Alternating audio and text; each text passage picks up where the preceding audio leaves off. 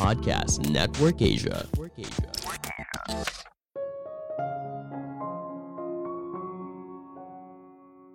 Untuk jadi sukses, kamu cukup tiru apa yang sudah dilakukan oleh orang sukses. Halo semuanya, nama saya Michael. Selamat datang di podcast saya, Sikutu Buku. Kali ini saya akan membahas kisah inspiratif dari Monis Pabrai yang sering kali dikenal sebagai peniru Warren Buffett.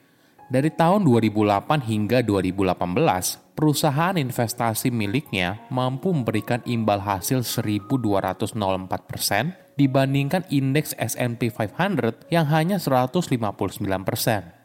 Kecintaan dan kekagumannya pada sosok Warren Buffett membuat pabrik banting setir dari founder perusahaan teknologi menjadi perusahaan investasi yang sukses. Sebelum kita mulai, buat kalian yang mau support podcast ini agar terus berkarya, caranya gampang banget. Kalian cukup klik follow. Dukungan kalian membantu banget supaya kita bisa rutin posting dan bersama-sama belajar di podcast ini.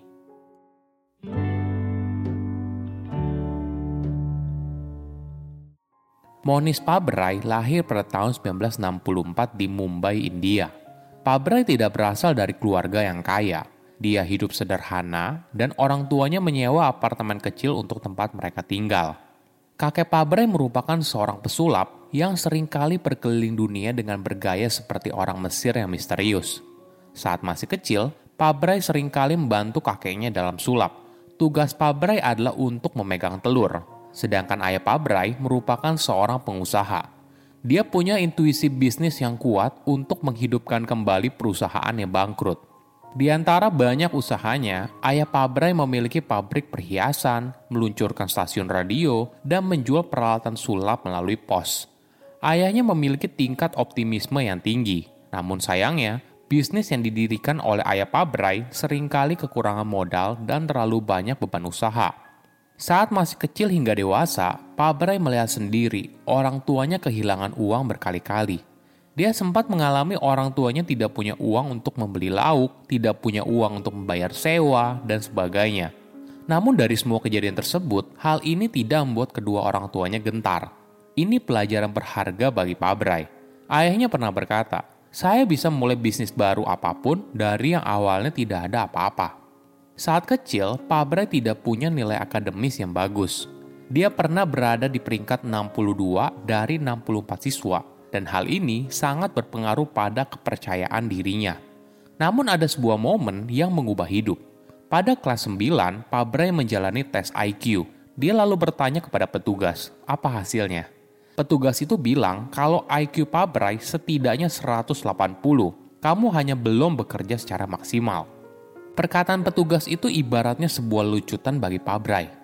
Kadang, seseorang butuh diberitahu kalau ada berlian di dalam dirinya dan hal ini menjadi pendorong orang tersebut untuk berubah. Pertemuan Pabrai pertama kali dengan investasi dimulai saat dirinya kuliah. Di sana, dia baru tahu soal pasar saham setelah mengambil kelas investasi dan mendapatkan skor rata-rata 106% hingga ke final. Profesornya lalu berusaha meyakinkan Pabrai untuk berpindah jurusan dari computer engineering menjadi finance. Namun saat itu Pabrai masih sombong dan tidak ingin satu kelas dengan mahasiswa lain yang dapat dengan mudah dikalahkannya di kelas investasi. Pabrai merasa kelas engineering itu jauh lebih sulit.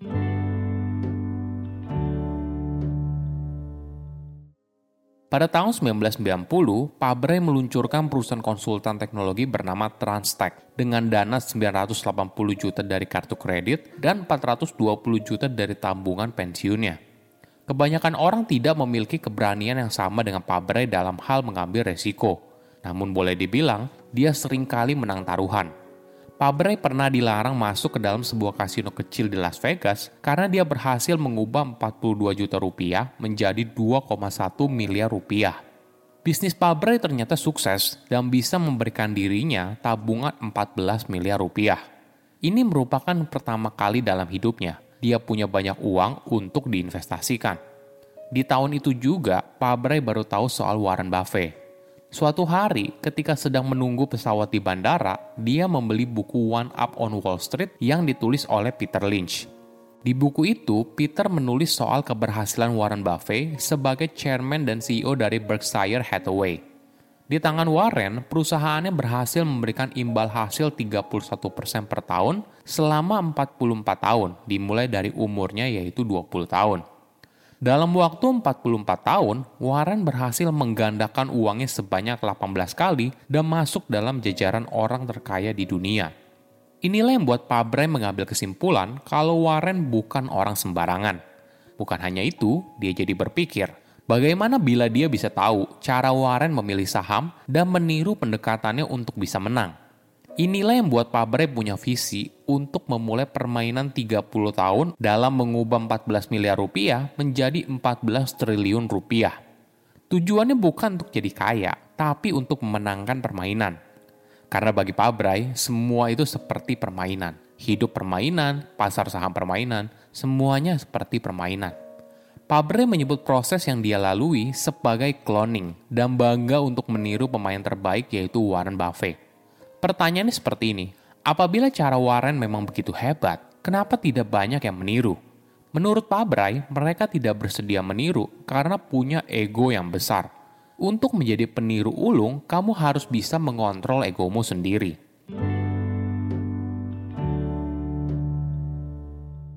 Bagaimana Pabrai memilih saham? Pendekatan yang dilakukan berasal dari cara Warren memilih saham, yang dulunya diajarkan oleh Benjamin Graham. Pertama, setiap kali kamu membeli sebuah saham, kamu membeli sebagian dari bisnis yang sedang berjalan dengan nilai yang mendasarinya, bukan hanya selembar kertas yang diperdagangkan oleh spekulan. Jangan lupa juga, hanya beli saham dari perusahaan yang kamu pahami model bisnisnya Coba tanyakan ke dirimu sendiri, apakah kamu paham cara perusahaan ini menghasilkan keuntungan? Pendekatan ini akan membantu kamu dalam memilih apakah perusahaan ini layak kamu investasikan atau tidak. Kedua, harga sebuah saham sering kali tidak mencerminkan nilai sesungguhnya dari sebuah bisnis. Ketiga, hanya beli sebuah saham yang dijual jauh lebih murah daripada perhitungan konservatif atas nilai sesungguhnya. Apa sih maksudnya? Kita harus menunggu sebuah saham berada pada harga yang murah daripada nilai yang sungguhnya, baru kemudian beli. Mungkin kelihatannya mudah dalam teori, tapi sangat sulit dipraktekkan. Apalagi jika kamu merupakan seorang manajer investasi. Kebanyakan manajer investasi berusaha menaruh banyak posisi dan melakukan transaksi terus-menerus. Namun pendekatan ini yang tidak diambil oleh Pabrai karena Warren juga tidak begitu. Ada sebuah analogi yang menarik dalam berinvestasi, kamu harus seperti orang yang sedang berdiri dengan sebuah tombak di sungai. Sebagian besar waktu, orang itu tidak melakukan apa-apa. Tapi ketika ada seekor salmon gemuk sedang berenang mendekat, maka dengan sigap orang tersebut menombaknya. Kemudian, orang itu kembali tidak melakukan apa-apa. Pabrai mempraktekkan hal ini saat krisis keuangan pada tahun 2008. Dia membuat 10 investasi dalam dua bulan Padahal di waktu biasa, Pabre hanya membeli dua saham pada tahun 2011, tiga di tahun 2012, dan tidak ada yang dibeli pada tahun 2013.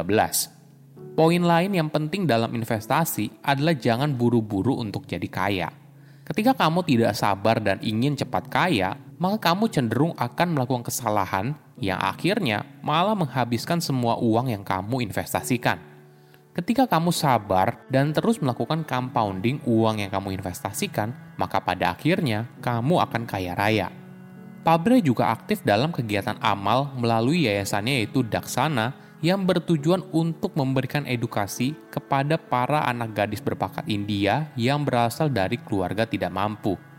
Daksana menyediakan dua tahun program pendidikan gratis untuk mempersiapkan mereka menghadapi tes masuk dari Indian Institute of Technology grup kampus elit yang lulusannya banyak dicari oleh perusahaan besar seperti Microsoft dan Google. Sebagai gambaran, lebih dari satu juta calon mahasiswa mendaftar di sana dan hanya kurang dari 2% yang diterima. Pabrai ibaratnya telah menemukan kode rahasianya.